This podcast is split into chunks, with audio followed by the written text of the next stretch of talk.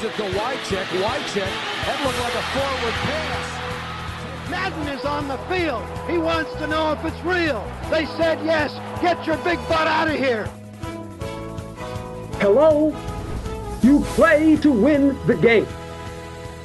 Hej hej och välkomna tillbaka till veckans NFL med Mattias Olsson och Lasse Thorman. Vi har haft paus Lasse, men nu eh, ska vi köra några avsnitt och snacka lite draft och free agency och off-season i allmänhet. Ja, vi är lite ringrostiga men, men eh, det är för svårt för att hålla sig borta för nu, nu, eh, nu börjar det närma sig, inte säsong men, men draften i alla fall. Mm. Som är minst lika roligt hur sjukt det nu än låter. Verkligen, det kliade lite i podd, poddfingrarna eller poddläpparna där när det var eh, free agency och det kom nyheter kändes som varje dag man ville liksom Man kände som att man ville kommentera dem för sig själv där men man får väl inte bete sig hur galet som helst kanske. Nästa år får vi spela in en sån här mini-avsnitt på fem minuter och, och, klippa ihop till ett långt och slänga ut eller något. Ja, det brände iväg mycket. Och vi ska riva igenom lite av det idag, i alla fall kolla lite så här, kolla tillbaka lite på vad som hände i Free Agency, kanske vad som händer just nu, vad som är liksom på G och så.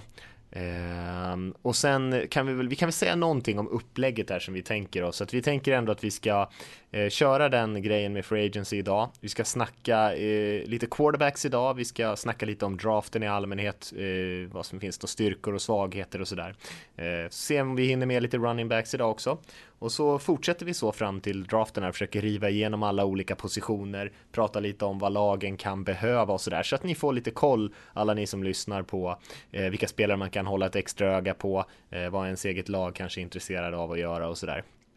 Um, och det är väl ungefär så vi har tänkt Lasse. Ska jag sätta det på pottkanten direkt? Mm. När är draften? Oj, herregud. Exakt datum. Jag skulle säga att det är 26 april. Ah, nej, men det är bra. Jag har ingen aning. Jag bara... Nej, jag trodde du hade ett rätt svar där. nej, nej, nej. nej. Jag, eh, det är så långt fram så jag har inte behövt ringa in det i någon kalender än. Men, men eh, kan ju vara bra att veta också. Ja, men det är i slutet av april är det i alla fall. Ah, jag, go jag googlar det nu bara för det. uh, ja, nu ska vi se. I Philadelphia. Jag kan kallprata medan du googlar upp detta. 27 april var det. Så jag, vad sa jag? Så jag 27 eller 26? 26. Nej då, jag var en dag tidig. 27 till 29, det är ju tre dagar. Mm. Ehm, så vi, men vi hinner med några avsnitt innan det är dags. Så att eh, förhoppningsvis hinner vi riva igenom eh, de flesta intressanta spelarna utan att stressa igenom för mycket. Och sen ska vi säga det att eh, på nflsupporter.se så finns det ju faktiskt en spelarranking där, vi, där man kan kolla på den totala rankingen av alla spelare där vi i redaktionen tillsammans har satt betyg på spelarna eh, och det räknas ut till ett snittbetyg där och även per position eh, och så kan man läsa liksom våra, ska man säga, spelaranalyser där på, jag tror att det är uppe i nästan 150 spelare just nu. Så det här är ju en jätte spännande resurs att eh, kolla in på och eh, få lite extra koll på vilka spelare som är intressanta. Utöver det som vi säger här i podden då, om man tröttnar på oss eller om man tycker att vi inte gick in tillräckligt mycket på någonting speciellt. För jäkla imponerande om man, man får liksom blåsa sitt eget horn lite. Att vi har redan nu hunnit skrapa upp plus 150 spelare där mm. med ganska nyttig info och, och det är ju inte klart än. Siktar Nej. på plus 200. Ja, precis. om det är bara frågan om någon vill läsa. Uh, nej, men det, som du säger, en hel månad kvar till draften och redan så många spelare och uh, det, kom gärna med liksom era egna synpunkter om ni har hunnit se något från, från årets college-säsong eller från spelare som ni har gillat och uh, så förhoppningsvis så kan vi jämföra då framöver när de har varit i NFL i några år de här spelarna och kolla tillbaka vad vi sa om dem och sådär. Eh, på gott och ont för oss, höll jag på att säga. Eh, men ska, Lasse, ska vi ta och hoppa in lite grann i, i off-season och, och, free agency och sånt där? Det, vi är ju mitt uppe i alla de här pro days som eh, är igång i, inför draften här när man får åka runt och kolla på spelarna på deras hemmaplan så att säga, på deras college. Eh, Mm. Och det är väl det som tror North Carolina, North Carolina och eh, Mitch Trubisky har sin Pro Day idag tror jag, bland annat. Så det lär vara ganska många som är där och kollar. Mycket general manager och sånt där, inga head coaches vad jag förstått på plats för hans eh, Pro Day. Men, eh, Nej, Uh, hörde att uh, milt intresse från Hugh Jackson och Cleveland Browns, vilket låter mm. konstigt. Men uh, ja, vi får se. Ja. Eh, och vi, som sagt, vi ska snacka lite free agency eh, och vad som hände där. Och, och jag kan dra några så trender som jag såg, Lasse, så kan du mm. kommentera på det där. Men eh, en grej jag så, tyckte att man såg, det var ju att offensiva linjespelare fick jäkligt bra betalt den här off-season. Vi är fortfarande inte klara med free agency, många spelare som inte har signat än. Men tidigt i alla fall tyckte jag att det var en ganska tydlig trend där man såg spelare som Matt Khalil och, och Riley Reef och spelare som kanske är helt okej okay, eller kanske kan bli bra, men som fick väldigt bra betalt. Det fanns väldigt mycket pengar i årets Free Agency framförallt. Lagen hade väldigt mycket pengar, kanske mer pengar än vad det fanns spelare. Och sen så såg vi de här rutinerade running backsen som Adrian Peterson och Jamal Charles och andra storstjärnor verkligen som har varit alltså bland de största namnen i hela ligan nu som kanske är uppe på 30 plus där och inte riktigt lika intressanta. Nej, eh, jag håller med dig och jag håller inte med dig. Alltså offensiva linjen får ju bra betalt, alltså framförallt en left tackle.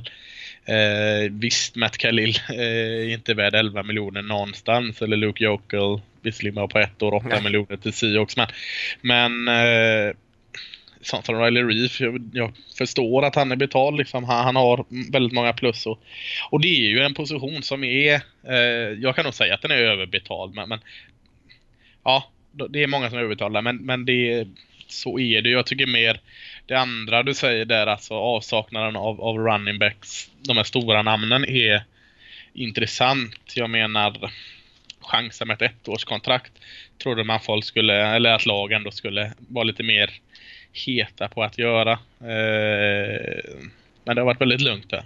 Mm. Eh, några corners som har fått väldigt bra betalt. en som har fått absolut bäst betalt den här offseason är ju faktiskt Stefan Gilmore som har gått inom divisionen från Bills till Patriots och Patriots som eh, de är ju inte helt, det är inte helt ovanligt att de investerar stora pengar i spelare i Free Agency. De är ju egentligen öppna för det mesta i New England som kan göra dem bättre. Eh, och här öste de ju verkligen in pengar på ett femårskontrakt på 65 miljoner totalt med 31 miljoner eh, garanterat. 40 miljoner totalt garanterat eh, med lite vissa krav på vägen då. Vad är det snitt på 13 miljoner per år? Ja, tror Jackson vill vara där uppe och pynta till Eje Boye. Hur säger man hans franska efternamn? Boye, Boye. Boye, Boye. Eh, Boye.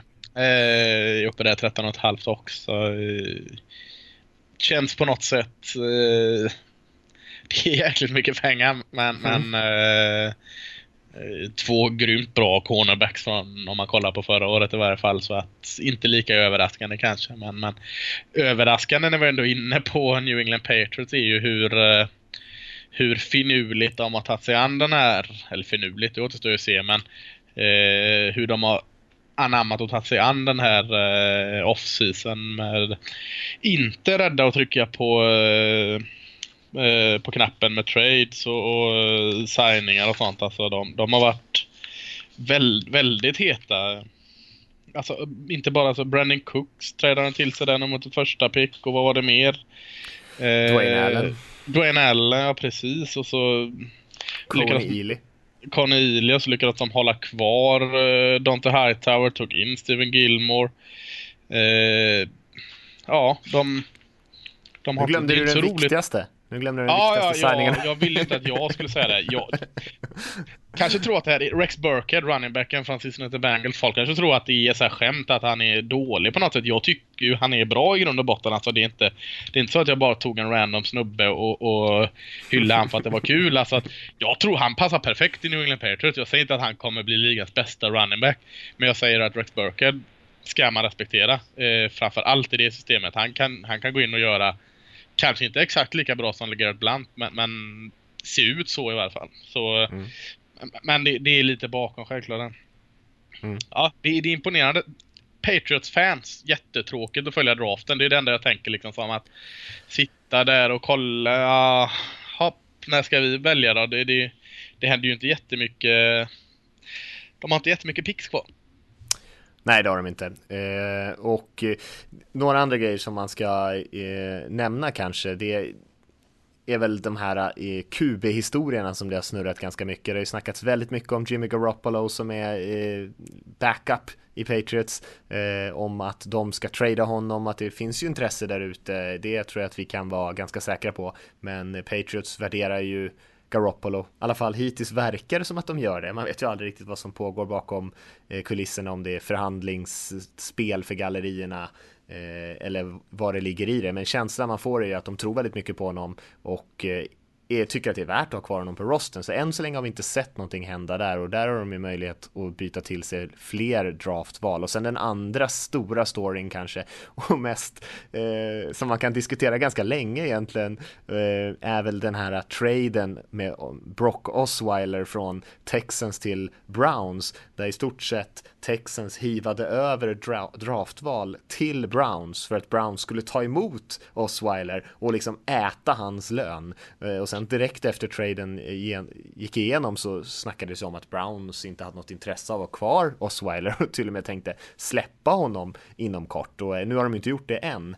Eh, men det var ju ganska tydligt när man lyssnade på presskonferensen att Browns gjorde det där för draftvalen och, och sket egentligen i, i pengarna och Texans var bara glada om de blev av med den kostnaden. Jag skulle säga att det är en win-win. Eh, många, mm. det är ju lite vattendelare var det ju.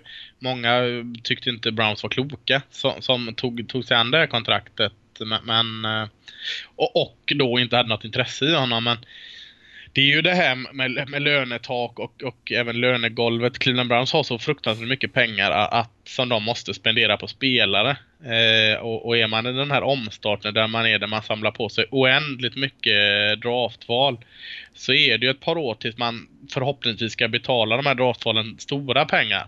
Så de kan lika väl lägga de här pengarna på, mm. eh, på Brook Osweiler nu för att ja, går allt, eller går i alla fall, man behöver inte gå allt rätt när det är Cleveland så de har 20 eh, picks i draften eller vad fan det nu är. Så att säga att 10 av dem träffar hyfsat rätt så har du 10 kontrakt eh, som ska förlängas och eh, då kanske Brock Osweilers kontrakt har gått ut och då kan de pumpa in de pengarna i, i draftval. Så att jag skulle säga att det är en win-win. Eh, absolut.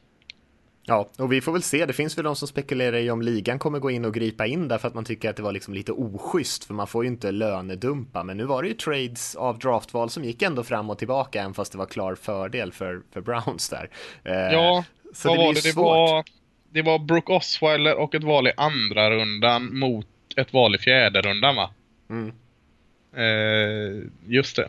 Ja, nej, jag, jag... Så det är ändå draftval som går fram och tillbaka, så rent formellt blir det nog tufft att liksom göra något åt det. Jag håller helt med dig Lasse, jag tror att eh, när, man kom, när nyheten kom där, jag tror många reagerade så här, 100 miljoner kronor liksom, svenska kronor för ett draftval i andra rundan. Är det verkligen värt det? Och jag tror man måste sära på riktiga pengar. Eh, det här är ju riktiga pengar så man ska ju liksom inte fnysa åt det. Men man måste nog ändå eh, ur ett lagbyggar liksom perspektiv så måste man skilja på riktiga pengar och de här pengarna som Eh, finns under lönetaket. Eh, och ingen säger väl kanske att det är värt att betala 100 miljoner kronor av riktiga pengar för ett draftval. Men det är ju ingenting som vi kanske som fans behöver bekymra oss mycket om.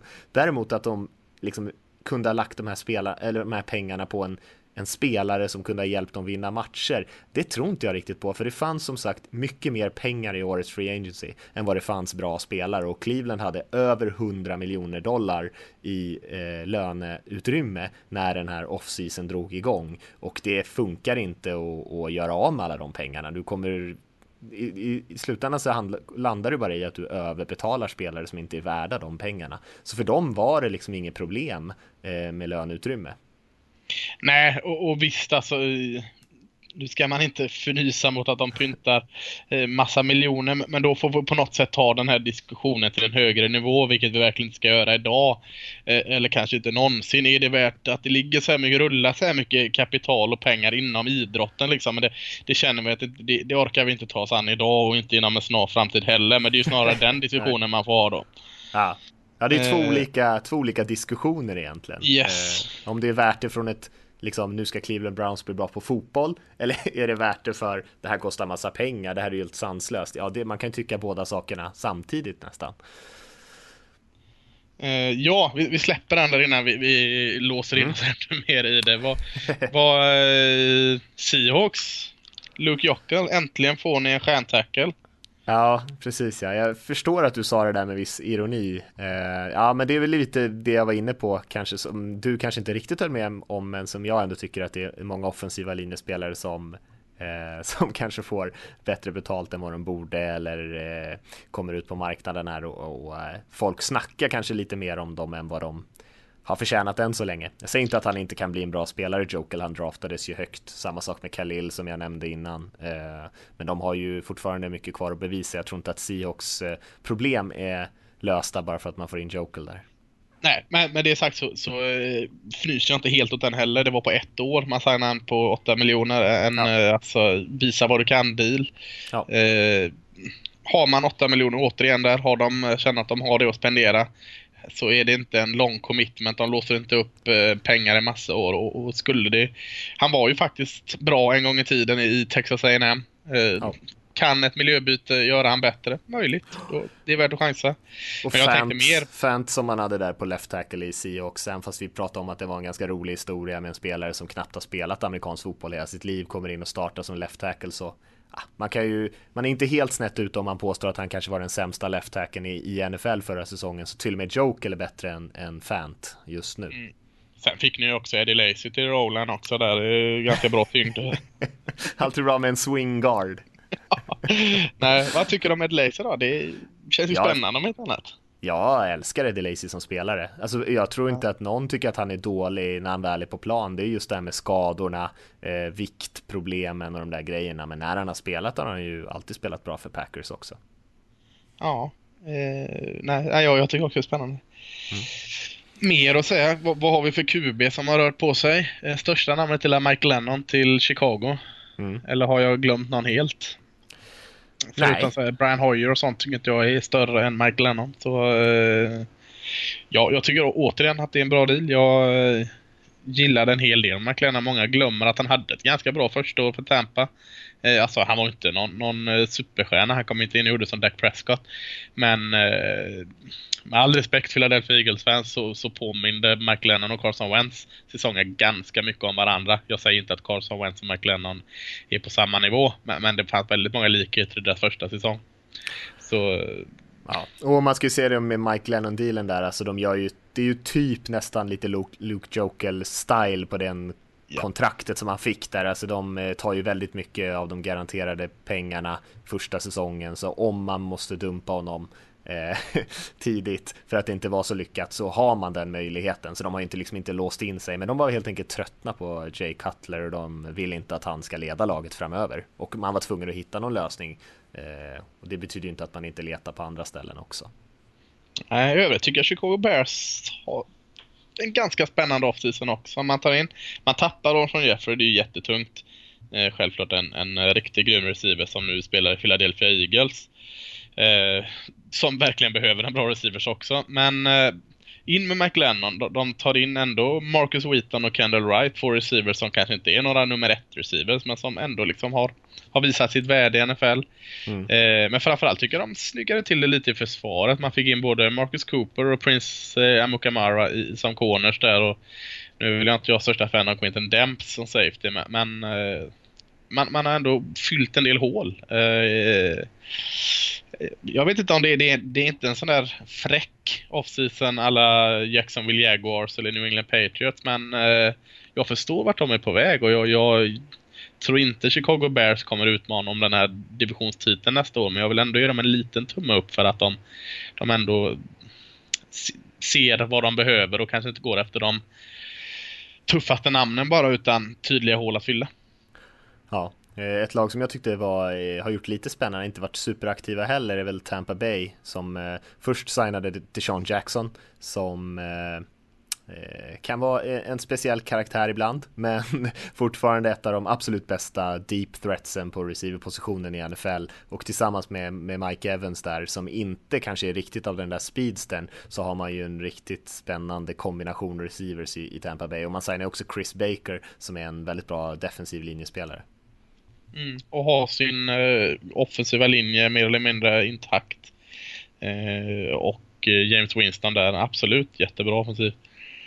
Jag skulle väl vilja lyfta fram eh, Los Angeles Rams. Det, det kan, eh, kan de kanske behöva. Inte heller eh, jättesexigt men Visst, han är gammal, han är inte långsiktig lösning, men left tackle Andrew Whitworth från Cincinnati Bengals, mm. jättefin signing. Alltså, ska man ge Jared Goff en riktig chans så måste man sätta en, en, en eh, riktig left tackle eh, till honom och det, det tycker jag Andrew Whitworth verkligen är. Och han har kanske ett, två år till på sig. Men, men det är skönt för Goff.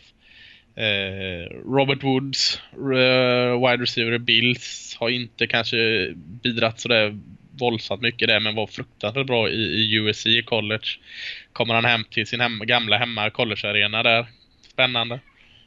Eh, har inte tappat så mycket. Kenny Britt eh, vet jag inte riktigt. Han har aldrig riktigt fått det att lossna där. Connor Barvin eh, gjorde en, en, väldigt svag säsong i Eagles förra året. Men det var ju för att de ändrade system där. Han är ju inte en DND egentligen. Nu får han kanske flytta tillbaka till outside linebacker. Där han spelade jättebra 2015 i Eagles. Så ja, jag, jag gillar eh, hur Rams tänker. Du nämnde Eagles där, jag tycker eh, vi ska snart hoppa vidare till draften, men jag tycker de eh, där var det ganska tydligt också vad man ville göra. Man insåg att man hade problem både med den offensiva linjen och med, med sina receivers förra säsongen och man signade både Alshon Jeffrey till ett ettårskontrakt, lite så här prove it deal också. Eh, Torrey Smith eh, Eh, och man signade två stycken offensiva linjespelare som eh, åtminstone ska kunna komma in och, och rotera in där. Eh, Wisniewski inte minst på, på centerpositionen eh, där man hade väldigt mycket skador i och för sig på Eagles O-line i fjol, men det var ju där som man kanske inte kunde hjälpa Wentz riktigt så mycket som, som han behövde. Jag tror ganska mycket på Carson Wentz, men då behöver man också ge honom lite bättre folk att jobba med. Mm, jag, jag håller med. Eh, in, innan vi går vidare ska jag bara lyfta fram ett, ett bra och ett dåligt lag till här som jag tycker. Mm. Jacksonville Jaguars, som man visst de putar ut väldigt mycket pengar men mm. AJ Bouye och, och Calais Campbell Eh, det är ju två wow-signingar helt klart. Cornerbacken ja. Boye och, och D-line. Han kan spela både end och, och tackle. Calais Campbell. Eh, stora pengar de pistar ut på de två men eh, impact-spelare direkt. Jag tror de kommer vara jättebra på defense eh, nästa säsong, Jaguars. Eh, det är väl anfallet som är kanske lite klurigt, men Campbell är väl helt rätt typ av spelare. Så länge han fortfarande är hungrig, men han har ju varit en ledare på, i, i Cardinals och eh, med alla de här unga talangfulla försvarsspelarna som man har i mm. Jaguar så kan man ju behöva den här killen som, ja, du kanske har hört han prata någon gång Lasse, men det låter ju lite som att det är en zombie som skriker på en med den där extremt mörka rösten. Eh, och kan nog vara den typen av kille som verkligen får dem att, att skärpa sig och, och, och spela bra. Mm. Ett lag, sista då, som får skärpa sig, det är ju 49ers. har massa pengar att spendera. Man har massa hål att fylla. Man tar in Brian Hoyer, man tar in Matt Barkley som quarterbacks. Va? Eh, det bästa man har lyckats signa är eh, fullbacken där, Jusik, eh, var han i Baltimore förra året va? Ja, precis. bra fullback, men, du kan ju inte ha din bästa signing, kan ju inte vara en fullback. Pierre Garçon, okej. Okay. jag gillar Garçon i och för sig, han är ganska ja, bra. Ja, ja, det är okej, okay, men, men Malcolm Smith det är ju ingen Nej. att på inside linebacken, Goodwin och, och, receiver. Mitchell, the tackle, Paulson, tight end. Alltså det är... Fan, de har massa pengar. Vad, vad gör de? Vad tänker de? Eh, de har så mycket hål att fylla. Det är... Jag förstår det inte. Nej, eh, jag gillar Garson i och för sig. Eh, mm. Juice, eh, som du sa, fullbacken där. Eh, Jusic, Jusic. jag nu jag sa bara Jusic, rätt snabbt så ingen hinner höra. Uh, han är ju bra i och för sig, men det var ju väldigt dyrt för en fullback som du var inne på. Uh, nej, det är helt klart, men då är det en tuff utmaning också den där uh, rostern, ska man säga. Mm. Eh, men jag tycker vi hoppar vidare Lasse. Eh, vi snackar inte så jättemycket mer om free agency. Vi ska ju snacka om lite behov och sånt där i draften där och eh, är det några uppenbara saker som har hänt så, så kommer vi nämna det. Eh, men jag tycker vi tar och hoppar in och snackar lite draft, vad som är, vad som är bra och dåligt och eh, vad som står ut i den här draften. Vad är din liksom generella känsla kring draften 2017? det är en defensiv draft. Alltså, eh, behöver du förstärka ditt defensiv så är det enklare att göra det i den här draften än att förstärka sin offensiv. Framförallt eh, cornerbacks och safety finns det jättemycket bra. Eh, jag skulle inte bli förvånad alls om det hade pratat om 8-9 DB som, som väljs i första rundan. Lite förvånad kanske, men, men eh, eh, det är väldigt mycket talang där. Du har eh, eh både D-Ends och, och möjligtvis outside linebacker, alltså edge rushers har du en hel del gottigt eh, där bak. Offensiven har eh, många spännande running backs. Eh, jag får säga att det är en bra running back-klass. Eh, och framförallt en jättebra terrendklass. Och det, det, har vi saknat nu i ganska många år. Det var, det var länge sedan det kom in några talent och verkligen dominera. Eh, de spelarna har vi den här draften, tror vi.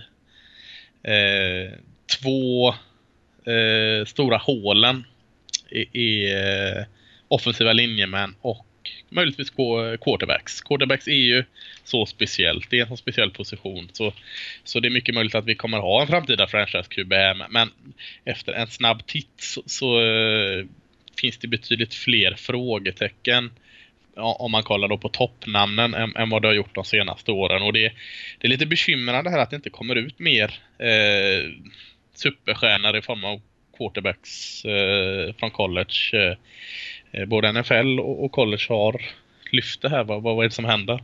Mm. Eh, för, för, det är inte så spännande. Eh, men, men, det är väl min snabba summering, en snabb summering av, av årets draft. Mm. Nej men jag håller helt med dig. Det är väl många av de här skillpositionerna. Det är klart det finns ju alltid intressanta spelare på QB och receiver och, och alla de här positionerna, men det är ju kanske saknar det där riktiga toppnamnet, eh, framförallt på de två positionerna kanske. Eh, lite mer bredd på receiverpositionen. QB sluttar neråt ganska fort eh, ändå. Det, även toppnamnen är det ju många som har ganska rejäla eh, frågetecken. Vi ska ju snacka lite extra om quarterbacks idag. Eh, försvaret däremot så, så finns det ju eh, på många positioner gott om duktiga spelare att välja mellan och, och tight end-gruppen som du nämner. Eh, väldigt intressant med många faktiskt ganska mångsidiga tight ends som eh, både har det här med blockeringsspelet i sig och kan komma ut och fånga lite passningar och sådär. Eh, så det är ju ett spännande gäng, absolut.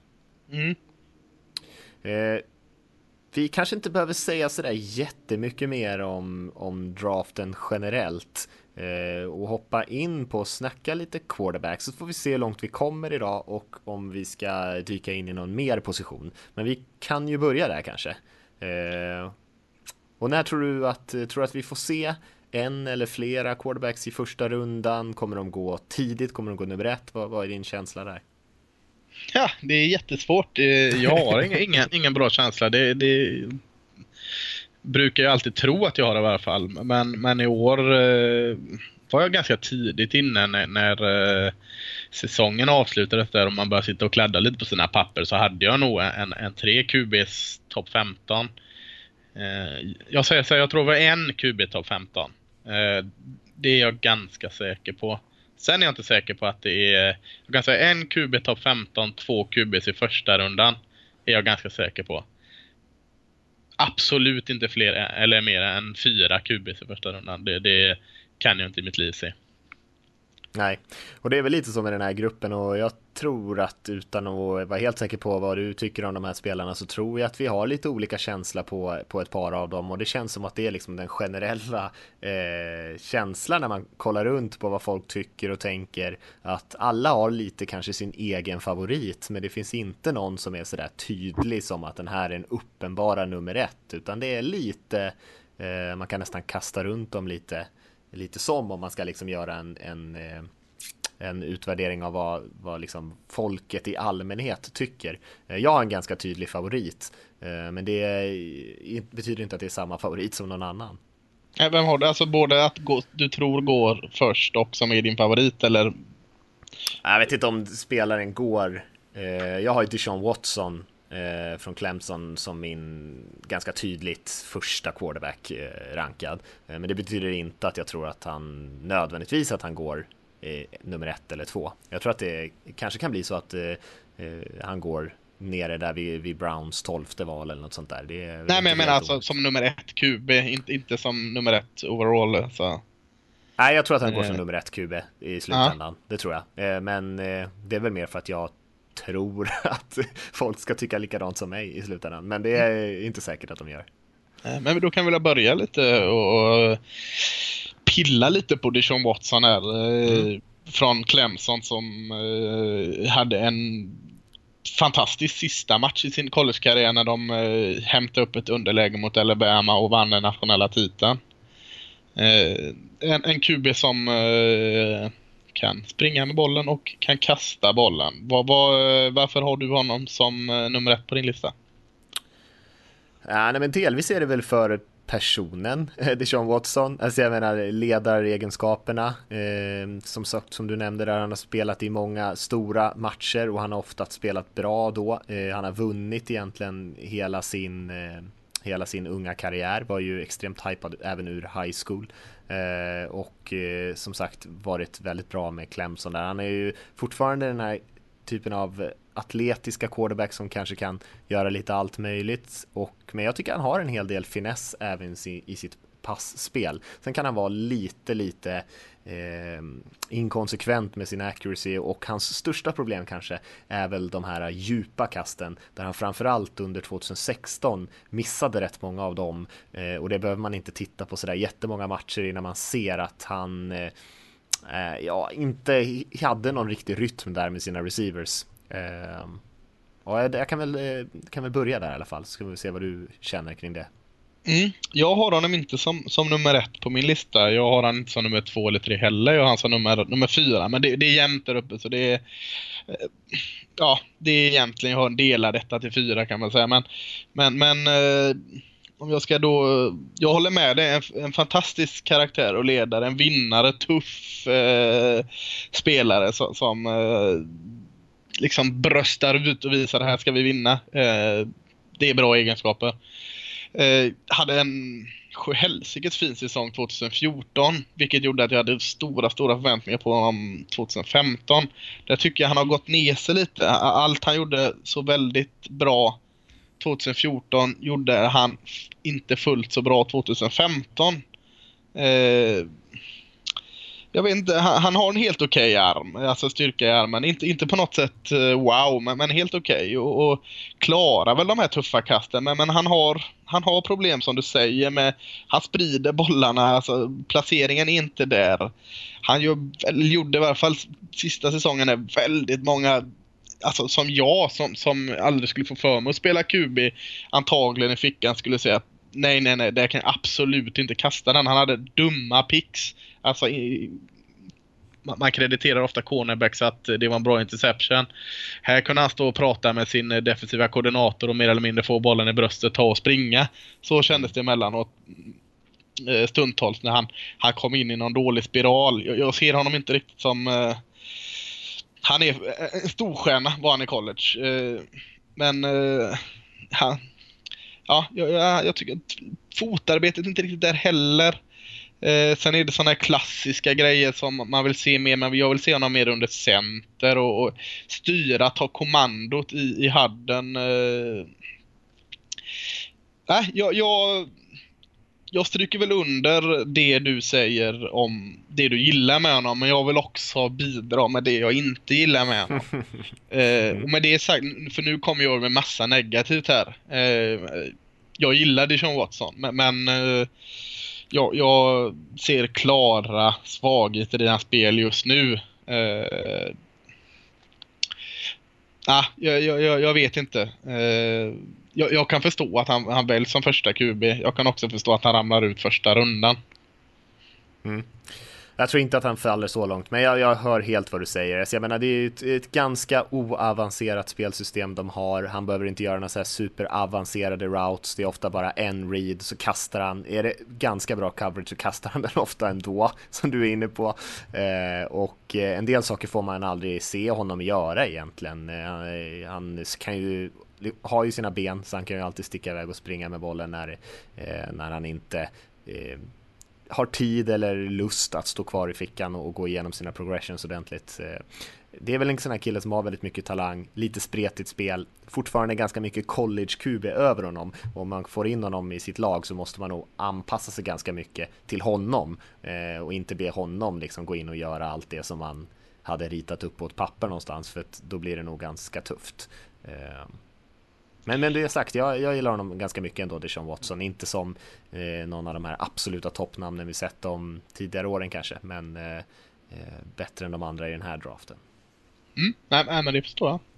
Min, min eh, nummer ett då, och det, det är jämnt, jämnt, jämnt här. Och eh, det kanske inte är det eh, om två veckor, men just nu är jag lite mer såld på Dijon Kaiser. Eh, unga kuben i Notre Dame. Han eh, har egentligen bara startat en och en halv säsong. Eh, de har flexat lite där med QB-rollen i Notre Dame. Eh, väldigt ung och, och eh, tydligt fortfarande mer talang än en färdig produkt. Eh, Notre Dame hade en, en, en, bedrövlig säsong förra året och det får man lasta Dijon Kaiser, eller Dijon Kaiser på en hel del. Men jag tyckte ändå han, han stack ut där trots allt. Eh, det jag gillar, han har ju alla de här eh, redskapen som, som man, om man sitter med en checklista på en, en eh, ett prospect, alltså en talang så kan man nog baka i de flesta där han är fysiskt stor, eh, bra QB liksom, med bra längd, bredd, eh, bra storlek, eh, bra, jag tycker han har jättebra boll, bollplacering,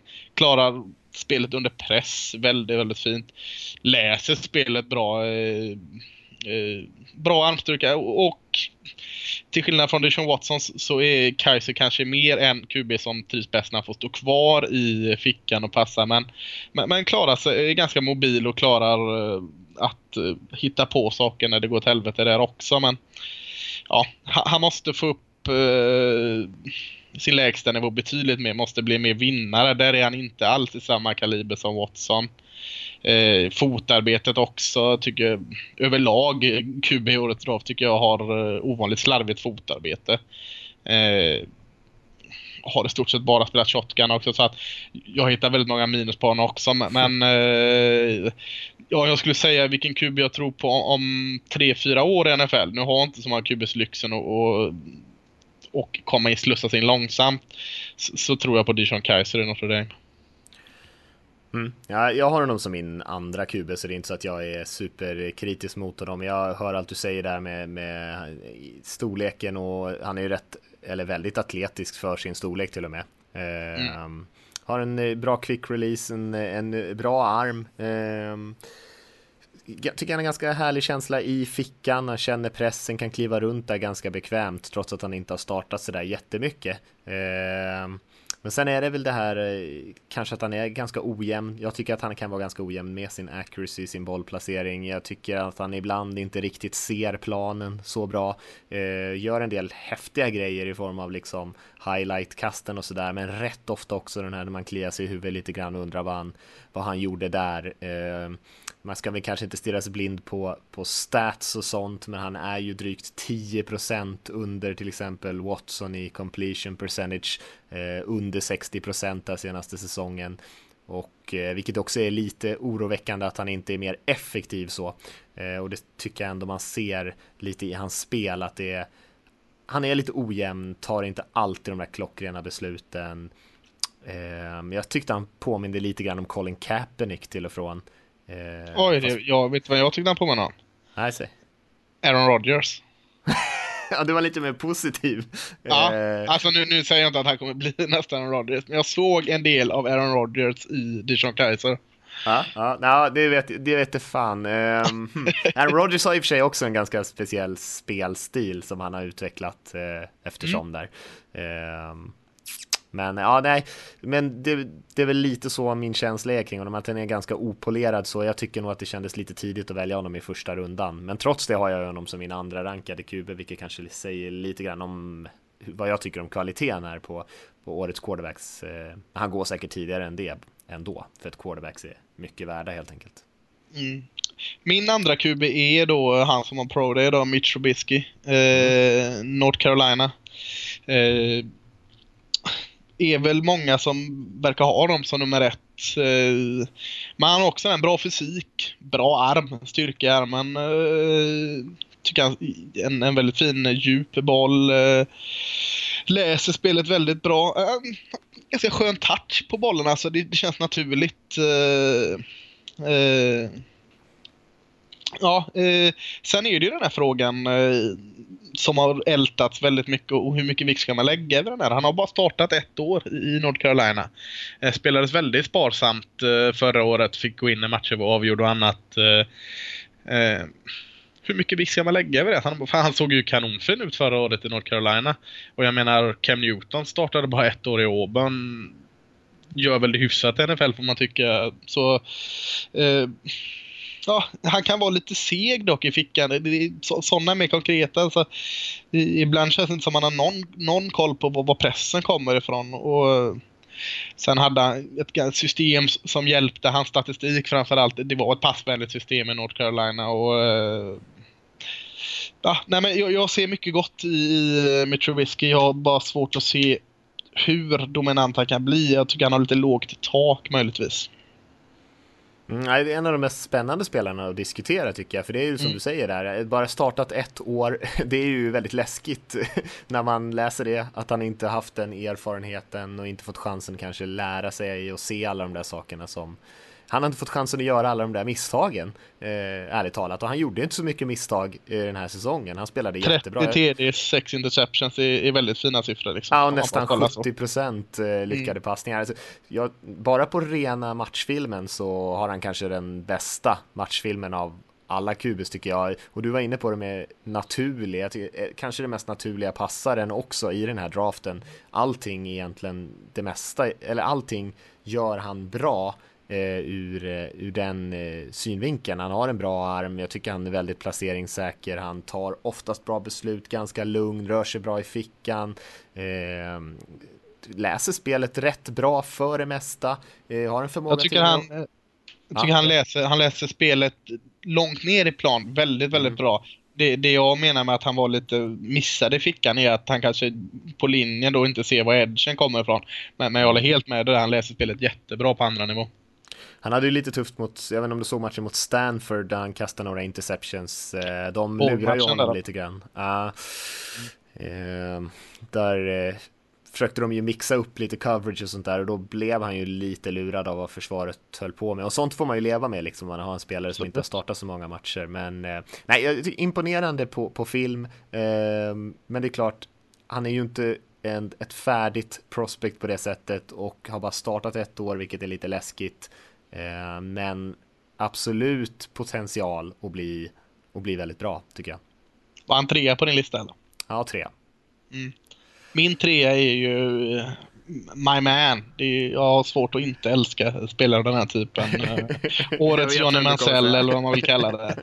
Uh, Pat Mahomes, Texas Tech. Uh, speciell. Eh, liten rackare som springer runt och, och, och skapar mycket av lite eh, spelar under eh, en eh, QB-glad coach i Cliff Kingsbury i Texas Tech där eh, tycker alltså, släng bort all statistik när det kommer till Pat Mahomes. För, det, för, för där är det lätt att samla på sig väldigt bra statistik i Texas Tech. De har ett bedrövligt försvar och ett eh, läskigt roligt anfall. Eh. Men, men många, många har ju avfärdat honom som en, en, eh, en college-QB, liksom. En, en college-fenomen som aldrig kommer klara det på stora scenen. Eh, köper det också. Eh, men eh, jag tycker, jag tycker han, han fortsätter utvecklas. Han har bra, jättebra armstyrka. Eh, trycket i bollen han skjuttar iväg, den lilla pojken, det är, eller lille så liten är han inte, är läskigt imponerande. Klarar de flesta passen jag har sett liksom. Bra träffsäkerhet tycker jag Eh, improviserar ju på ett helt magiskt sätt. Det påminner väldigt mycket om Johnny Mansell. Eh, och vem vet om Johnny Mansell hade, hu hade haft huvudet utanför planen på skaft så kanske han hade varit en bra NFL-kub nu. Det vet vi inte. Eh, tuff är han ju alltså. Han får mycket stryk för han har inte en snäll offensiv linje framför sig. Eh, eh, men, men, men det är en gunslinger alltså. alltså han, han eh, tjottar iväg farliga pass alldeles för ofta och, och eh, det här offensiva systemet gör honom nog betydligt bättre än vad han är. Det, det är jag väl medveten om. Och, och nu låter som en trasig skiva här också. Tycker även hans fotarbete alltså i, i, pass, i passspelet, hur han jobbar med fötterna i själva passmomentet, är eh, under medel. Eh, tycker jag som sagt de flesta QBC-år har. Eh, och det är klart han måste utvecklas för att passa in i, i ett NFL-system och allt sådant. Men han är så förbannat spännande. Jag, jag har svårt att inte gå igång på sådana spelare. ja, jag fattar. Uh, nej, jag vet inte om jag tycker att han är så superspännande som ett prospect, men däremot tycker jag att han, jag förstår vad du menar att han är spännande och, och liksom se och jag har ju till och med skrivit att han är en, en större Mansell och, och skrivit ner många av de sakerna som du säger att han är den här draftens stora improvisatör. Uh, han har, spelar med en otrolig passion för det mesta och uh, det ser lite flängigt och okontrollerat ut till och från och han kastar ju bollen typ en miljard gånger per match. Han passerar levererade ju över 5000 yards på en, på en college-säsong. är mm. ju ganska sjukt. Jag tror att de, för deras försvar tillät ju 68 poäng mot Arizona State, tror jag, 66 poäng mot eh, West Virginia, så det var ju Ja, det var ju, eh, om man gillar offensiv fotboll med touchdowns till höger och vänster så, så kunde man ju eh, kolla på Texas Tech och, och Mahomes, för det var ju precis det man fick se. Han gör en del bra saker som eh, man ändå, som ändå är lite sådär eh, härliga QB-traits. Jag tycker han gör ett jättebra jobb med att kolla bort försvarare med sina ögon, eh, den typen av detaljer. Eh, är ju som sagt bra när spelet liksom kraschar och han måste improvisera lite grann. Det, det är han rätt bra på. Men sen är det ju ganska slarvigt, det är ganska stökigt Eh, han är ju inte, är inte jättebra alltid på att hålla sig inom liksom spelsystemet utan vill nästan gärna komma ut lite utanför för det känns lite roligare nästan eh, och påminner ju väldigt mycket om en så i sin eh, spelstil. Eh, och sen väldigt upp och ner från match till match. Eh, jag kollade fyra matcher med honom och två av dem så hade han en eh, mycket bättre bollplacering och, och liksom tog sina beslut rätt bra och, och två av de andra så kanske det var väldigt mycket mer upp och ner och sådär. Eh, han har som du säger alla eh, medfödda talanger och, och, fysiska möjligheter att vara bra. Eh, men jag ser som att det är så mycket jobb med honom och så mycket osäkra eh, delar som man inte vet om han kan rätta till att det skulle kännas lite läskigt att drafta honom i, i första rundan. Mm, jag, jag, ser, jag ser en blandning av honom och eh, Derek Carr när Derek Carr spelade på Fresno State i college. Eh, så tyckte jag, alltså det var många likheter mellan de två i college. Eh, nu är inte Derek Carr alls på samma sätt när det kommer till att springa runt och, och, och improvisera som eh, han var det med på college. Men, men jag tycker alltså, jag, jag, jag lägger in honom mitt emellan där någonstans. Så, och, eh, ja, jag, jag är ju, jag vet att jag eh, är övertänd på uh, Patrick Mahomes. men, men uh, jag bjuder på det för det är uh, sjukt spännande. Jag vet inte om jag hade gillat om inte Dallas Cowboys hade han för det hade varit så stressande att ha honom som QB. Men ja. ah, spännande. Ja, han är lite rolig. Men ja. jag fattar väl Men han är inte jag... fyra på din lista då? Nej, det är han inte. Men han är femma så att han är inte så ja. långt efter. Då gissar jag, då gissar jag att du har Nathan Peterman som fyra på din lista. Ja, det har jag. Mm det har jag. Och eh, det är väl kanske Ja, om det är spännande med Mahomes så är väl Nathan Peterman kanske inte sådär jättespännande på det sättet. Eh, är ju inte liksom ett fysiskt freak på något sätt. Eh, tekniskt slipad, tycker att han, det känns som att han har nött in de grejerna han är bra på. Han rör sig väldigt fint i fickan och alltid fingret på avtryckaren, beslutsam, placeringssäker, hyfsad arm, men absolut inte något sådär eh, superimponerande. Jag tycker han påminner lite grann om Kirk Cousins. Ja, jag en... precis. Jag tycker verkligen. Men i, men i dagens NFL, en Kirk Cousins, jag menar jag skulle ta en Kirk Cousins till mitt NFL-lag. Eh, särskilt om man kan hitta honom i andra, tredje eller till och med fjärde rundan. Eh, en bra beslutsfattare, kanske lite mer åt det här game manager-hållet då som vi pratar om ibland. Eh, man kanske skulle vilja se lite mer touch och sådär och han kanske inte har den där superarmen.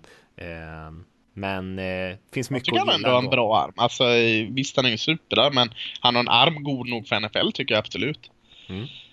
Eh, nej men jag, jag håller med. Det, det är väldigt mycket att, att känna sig trygg med när man, med Nathan Peterman. Eh, jag har ju Dijon Watson som jag pratat om fyra på min lista men bakom där är Nathan Peterman och eh, trygg och säker i, i fickan, får inte panik och, och mogen i sina beslut och, och allt sådant. Eh, känns ändå bra, mobil liksom, även att han, han är lite, lite liten är ju, men, men Det känns inte som det är några större problem. Där är ju ändå, om jag ska fortsätta tjata om mina fötter i passspelet som jag tycker har kanske bäst eh, när han går igenom sina fötter och sin, sin teknik i, i, eh, i kastet så tycker jag han ligger eh, i framkant. Uh, uh, har även spelat i ett pro-style-system i Pittsburgh. Det, det, det, ska man inte glömma bort. Uh, men sen har vi det här alltså. Det finns ingen direkt topp med Adam Peterman. Han, han är trygg känns det som. Liksom. Du, du vet vad du får. lite dålig accuracy. Alltså han, han, han lite dåligt sikte emellanåt kan jag tycka som, som uh, ligger mot honom. Men, men uh, ah, ja, jag, Kirk Cousins. Uh, kan han komma upp i den nivån i, i, som Kirk Cousins i NFL nu? Uh, men, men det tycker jag på något sätt är hans tak. Uh, hans botten är en en Kirk Cousins en dålig dag då får vi säga.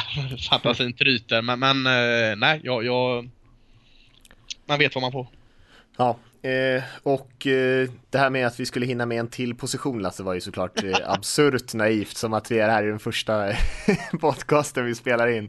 Eh, men vi, ska, vi, kommer inte hinna det så kan vi enkelt säga. Men eh, vi ska ändå riva igenom några quarterbacks till tycker jag. Vi behöver inte stanna på så jättemånga av dem. Men jag kan bara räkna upp min 6 till 10 här och sen så tar jag bara en av de spelarna och säger några ord om. Mm. Och sen så kan vi höra hur du har dem resten Hade av vi dem. som, samma topp 5 fast lite olika ordning alltså? Det måste vi ha haft. Du hade Mahomes med där eller? Ja, precis. På femte. Ja. Yes. För efter Mahomesen så har jag Joshua Dobbs på sexan, sen har jag Gunnar Keel på sjuan, Brad Kaya på åttan, eh, Davis Webb på nian och Chad Kelly på tian. Och den som jag skulle vilja stanna där vid egentligen är väl Gunnar Keel som jag tycker eh, känns ganska intressant. Jag är inget stort fan av någon av de här kuben ska jag säga. Det, det känns som ganska eh, stora chansningar, men det, de kommer ju kunna drafta dem sent, så att chansning och chansning, det är alltid värt med en QB om man tror att man kan hitta något där. Eh, men Ganukil är lite intressant, var ju väldigt hypad när han gick ut ur high school, eh, var ju tror jag rankad som den bästa QBn i landet till och med. Eh, gick till Notre Dame där, hamnade på bänken och, och bytte till slut till Cincinnati.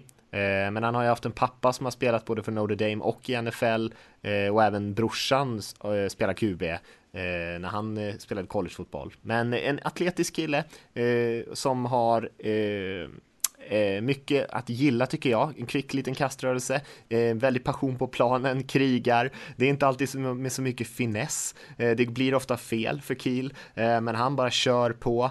Eh, och det finns mycket i hans liksom, attityd och spel att gilla. Eh, men han har inte alla de här eh, fysiska förutsättningar just när det gäller hans arm kanske och har inte riktigt fått ihop det under sin eh, collegekarriär kanske. Nej, nej men det är jag. Jag har med i min topp 10 också. Eh, har inte så mycket att tillägga där. Min, min, eh, jag, jag, gillar att du har med Joshua Dobbs. Eh, jag har inte med honom på min topp 10 men, men eh, jag gillar honom i college. En väldigt rolig spelare att se på. Springer väldigt bra med bollen där men han är inte med där. Men, ja, eh, Sexa har jag då eh, Davis Webb, Cal. Eh, mm. Att eh, Jared Goff där. Sjua Brad Kaya i Miami. Åtta Mitch Leidner i Minnesota. Nia mm. Gunnar Kiel. Och så har vi tia Nick Mullens i Sudden Miss.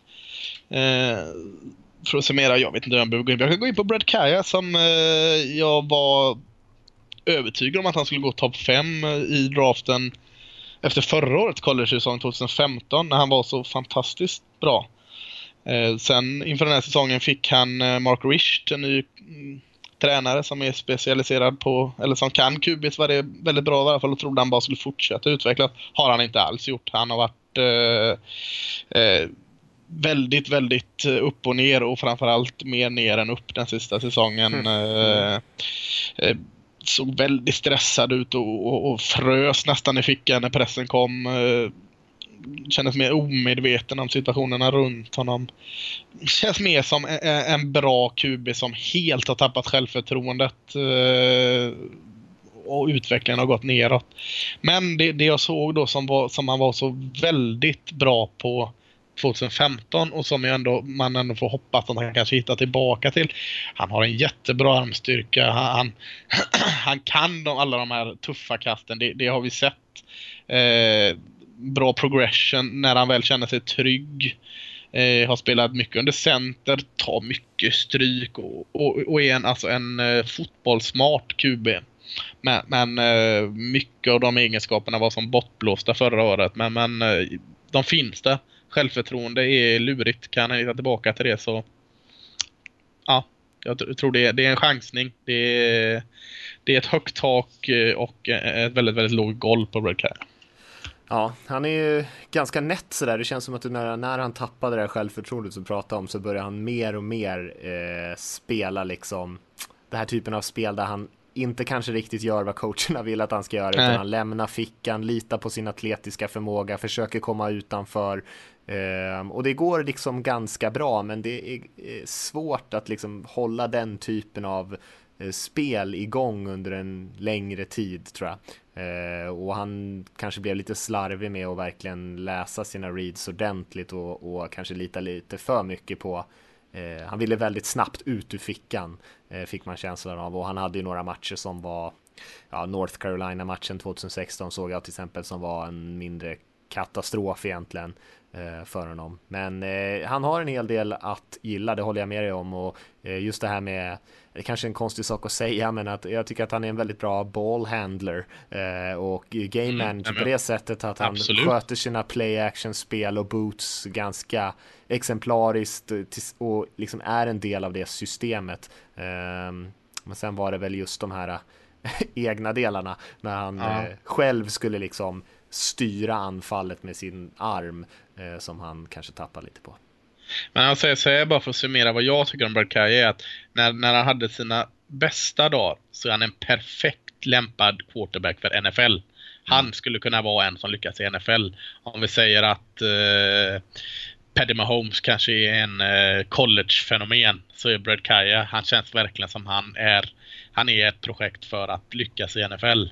Men då måste han hitta tillbaka och nästan starta om Brad Kaya. Vi får göra en, en, en eh, omstart och reboot eller vad det heter på honom. För att eh, 2015 så, så var jag övertygad om att här har vi nästa eh, Dan Marino eller eh, vem vi vill kalla. Eh, men han har en lång bit dit just nu. Är det något sista du vill säga på QBs innan vi hoppar vidare? Nej, vem, vem tror du har, har störst chans om, av de här toppnamnen att uh, floppa? Ja, det, det, är kanske en dum fråga att säga, men, eller att ställa, ja. men... Nej, jag, jag, tror nog tyvärr att alla skulle mycket väl kunna floppa. Det är liksom frågetecken på allihopa. Um, Minst men... risk då? Är det Naden Peterman? Ja, men det finns också en chans att han liksom eh, aldrig når upp till den starterpotentialen liksom. Eh, jag skulle, den som är mest spännande skulle jag väl ändå säga är kanske Trubisky just för att man inte har Ja, alltså att han har spelat så lite och ändå på något sätt ser så bekväm ut eh, tycker jag är positivt. Eh, men sen är det fortfarande en chansning. Jag tror att det mycket väl kan vara så att vi helt enkelt inte har fått se så mycket av hans dåliga sidor för att han inte har haft tid att, att eh, göra bort sig ordentligt. Eh, men där tror jag att det finns eh, ett högt tak också. Mm. Eh, nej, jag, jag, tycker det är, det är svårt att ta fram en favorit. Alltså eh, mellan mina Alltså Kaiser, Mahomes, Trubisky och Watson så, eh, ja vi tar bort Mahomes då för han är så speciell, han får lägga ett eget litet fack säger vi. Men mellan Kaiser, Trubisky och Watson så eh, har jag svårt att liksom särskilja vem som ska göra bra ifrån sig eller dåligt ifrån sig. Jag får inte fram den favoriten. Där. Nej. Nej, jag har ju som sagt Watson lite före de andra, eller eh, en, en bit före de andra till och med. Men eh, det är väl lite var man kan få dem någonstans också om man, man pratar om typ av värde. Eh, som kanske avgör och vilken typ av quarterback man letar efter. Deshaun Watson är ju nästan att man kanske vill få in lite av de här eh, read option grejerna, att han ska kanske vara ett hot med benen medan Trubisky kanske är den där eh, pocket quarterbacken som kanske behöver lite tid, eh, men så kan det vara värt ändå eh, om man letar efter den typen av spelare. Medan Kaiser har lite av varje. Eh, och de kanske fysiska förutsättningarna. Mm, vem, vem, eh, innan vi släpper eh, quarterbacks här och rundar av, vem, vem, vilket lag tror du tar första kuben här då? Om du bara får, får eh, chans, alltså, och med vilket, vilket val? Vill du ha, vill du ha Cleveland väljer först? Eh, tror vi inte på eller? Nej, jag tror inte Browns tar en QB nummer ett. Nej. Eh, nej.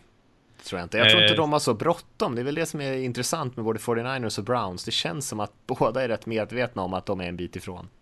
Mm. Ja, 49ers är tvåa då. Tror inte heller på Bears har tagit Glennon. Eh, mm. Jacksonville. Möjligtvis, men nej. Jag kan tänka mig att Bears är, är liksom aktuella, eller Jets på nummer 6. Ehm, Browns igen där när de kommer tillbaka på nummer 12 där kan säkert... Uh, ja, finns alla QBs kvar när Browns gör sitt andra val om de inte har tradat det mot Garoppolo eller någon annan så... så uh, ja, då måste de då måste, då måste en QB vara borta alltså. För alltså, tar du bort uh, Cleveland, San Francisco, Chicago och Jacksonville 1-4 där som alla skulle man kunna motivera att ta in en QB. Mm. Eh, men det finns så mycket annat gott i draften så de kanske väljer. Så har du Tennessee? Nej, nej, nej. Jets? Absolut. Chargers? Nja. Kanske, men så högt för en eh, framtida Philip Rivers. Panthers har inget behov av det. Cincinnati? Nja. Bills? Kanske.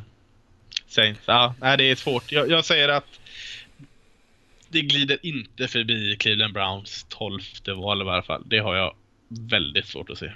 De har så många höga draftval så att det skulle liksom vara ganska oförsvarbart tycker jag. För att jag menar, de har tillräckligt med picks för att träffa på andra spelarpositioner. Eh, och då måste man nästan chansa på en QB. Eh, den man gillar mest bara. Eh, för det går inte att bara skippa det liksom. För det, det är ju möjligt att de hittar någon de verkligen gillar om något år och så är de nummer ett och så väljer de den spelaren där och så floppar den. Eh, alltså man måste ändå tillåta sig själv och, och, och missa lite grann eh, också. man säger så här. Eh, Eh, första kuben väljs med andra valet i draften men inte av 49ers.